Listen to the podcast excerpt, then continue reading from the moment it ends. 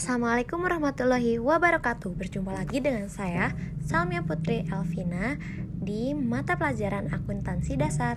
Kali ini kita akan membahas mengenai jenis dan bentuk badan usaha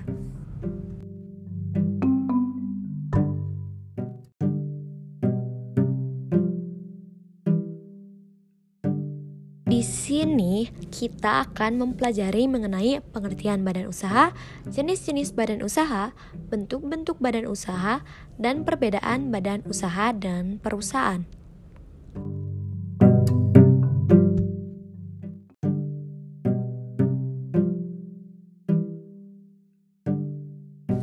Lalu, apa sih badan usaha itu?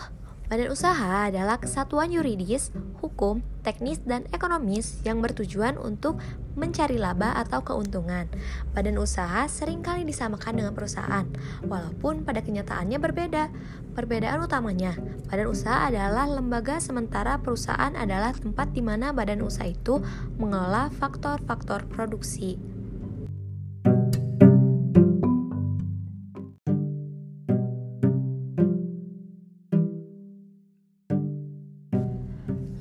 Apa sih jenis-jenis badan usaha? Yang pertama ada badan usaha agraris. Yang kedua, ada badan usaha ekstraktif. Yang ketiga, badan usaha jasa. Dan yang terakhir, badan usaha manufaktur.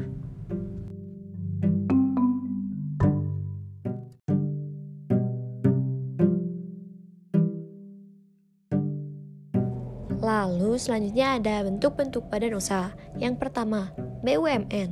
Sesuai dengan namanya, BUMN adalah badan usaha yang sepenuhnya dimiliki oleh pihak pemerintah. Modal dari badan usaha ini biasanya berasal dari kekayaan negara, sedangkan para pekerjanya sering disebut sebagai pegawai negeri. Yang kedua, yaitu koperasi. Koperasi adalah jenis badan usaha yang beranggotakan orang-orang atau badan hukum koperasi dengan melandaskan kegiatan berdasarkan prinsip koperasi, sekaligus sebagai gerakan ekonomi rakyat yang berlandaskan asas kekeluargaan. Yang ketiga, BUMD. BUMD adalah badan usaha yang didirikan dan dimiliki oleh pemerintah daerah Tujuannya adalah untuk mencari keuntungan, tetapi laba masuk ke kas daerah dan harus digunakan untuk kesejahteraan masyarakat di wilayah tersebut. Dan yang terakhir yaitu BUMS. BUMS merupakan badan usaha yang didirikan oleh pihak swasta, baik itu satu orang maupun lebih. BUMS sendiri terbagi menjadi beberapa jenis badan usaha.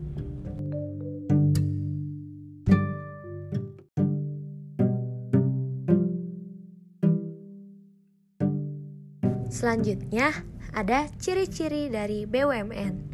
Yang pertama, pemerintah memegang kekuasaan penuh. Yang kedua, menjadi sumber pemasukan negara. Yang ketiga, pemerintah menanggung segala resiko. Yang keempat, produknya merupakan kebutuhan atau komoditi utama. Dan yang kelima, saham bisa dimiliki oleh masyarakat. Dan yang terakhir, melayani kepentingan umum dan layanan publik.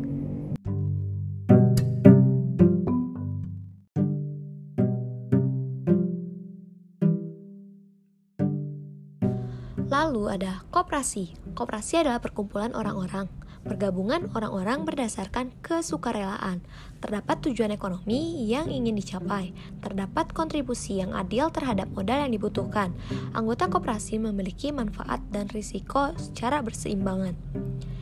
Selanjutnya ada kelebihan dari koperasi. Yang pertama, sisa hasil usaha yang dihasilkan oleh koperasi akan dibagi kepada anggota. Yang kedua, anggota koperasi berperan jadi konsumen dan produsen sekaligus.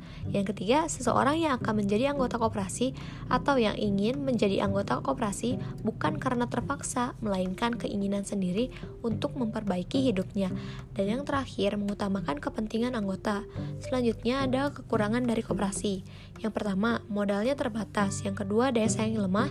Yang ketiga, tidak semua anggota memiliki kesadaran berkooperasi. Dan yang terakhir, sumber daya manusia terkadang kurang.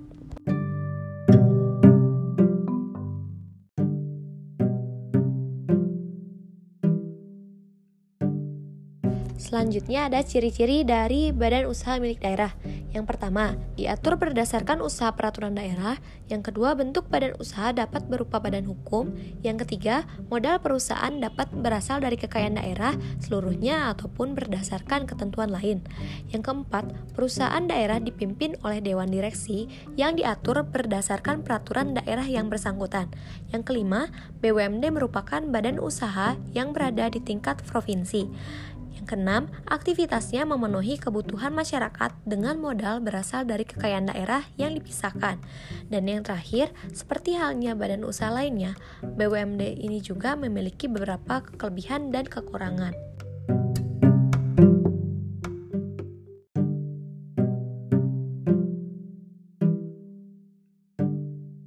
Yang terakhir yaitu ciri-ciri badan usaha milik swasta. Yang pertama, badan usaha yang modalnya sepenuhnya berasal dari pihak swasta. Yang kedua, pengawasan dijalankan secara hierarki dan fungsional oleh pemegang perusahaan. Yang ketiga, mencari keuntungan yang sebesar-besarnya. Yang keempat, dalam pembagian laba berdasarkan pada pemilik saham atau modal terbanyak. Yang kelima, badan usaha mempunyai badan hukum. Yang keenam, dijalankan dan dimodali oleh perorangan, banyak orang, atau berkelompok. Yang ketujuh, para anggota mempunyai hak suara sesuai dengan jumlah modal atau saham yang dimilikinya. Yang kedelapan, bisa menjual saham melalui bursa efek. Yang kesembilan, modalnya bisa diperoleh dari lembaga keuangan, baik itu bank maupun non-bank.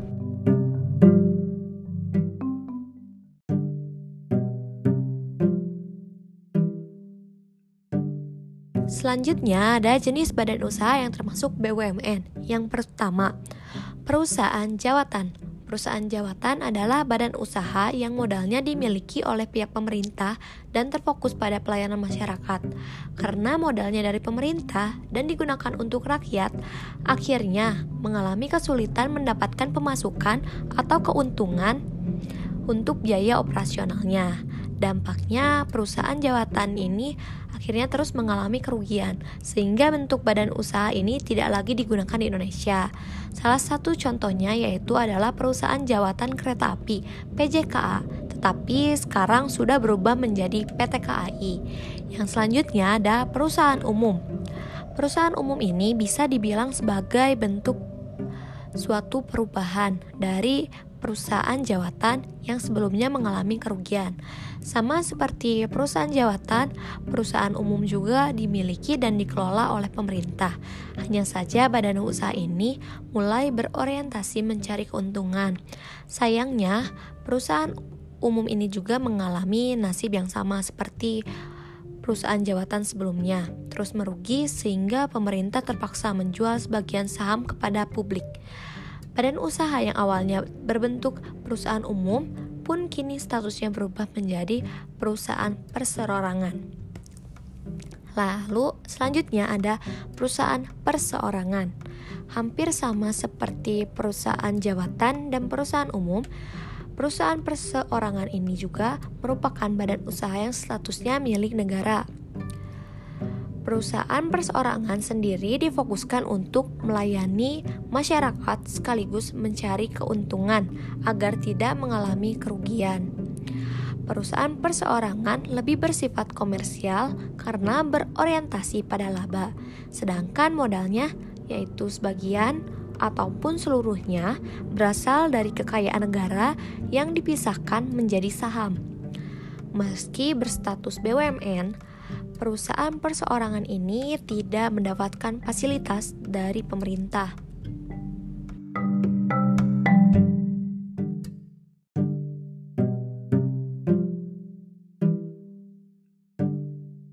Selanjutnya ada jenis badan usaha yang termasuk BUMS. Yang pertama yaitu firma. Firma dibentuk oleh dua orang atau lebih dan para pendirinya memiliki tanggung jawab penuh terhadap usahanya tersebut. Modalnya berasal dari pendiri firma, sedangkan keuntungannya dibagikan sesuai dengan perjanjian yang sudah dibuat sebelumnya. Selanjutnya ada CV dibentuk oleh dua sekutu atau lebih yang di dalamnya terdapat pihak aktif dan pihak pasif. Pihak aktif adalah pihak yang menyediakan modal sekaligus mengurus badan usaha tersebut. Selanjutnya, FASIP yaitu hanya menanamkan modal tanpa terlibat dalam hal operasional. Selanjutnya ada perusahaan perseorangan. Sesuai dengan nama, badan usaha ini dikelola oleh satu orang saja tanpa melibatkan pihak lain. Karena ditangani sendiri, maka baik modal, kegiatan usaha, maupun risikonya juga ditanggung oleh si pemilik perusahaan.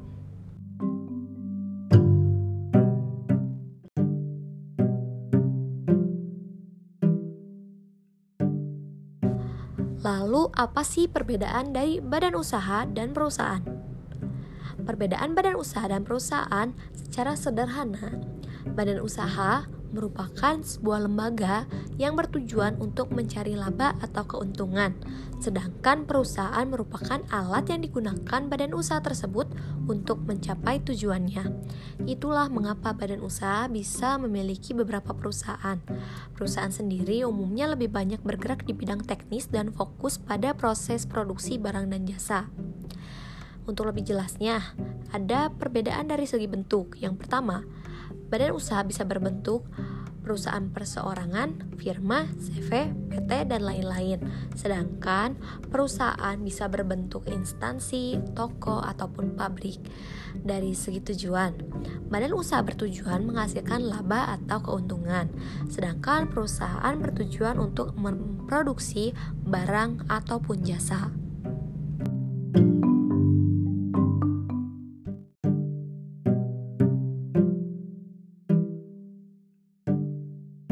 Sekian pembelajaran kita hari ini mengenai jenis dan bentuk badan usaha. Sampai berjumpa di lain waktu. Wassalamualaikum warahmatullahi wabarakatuh.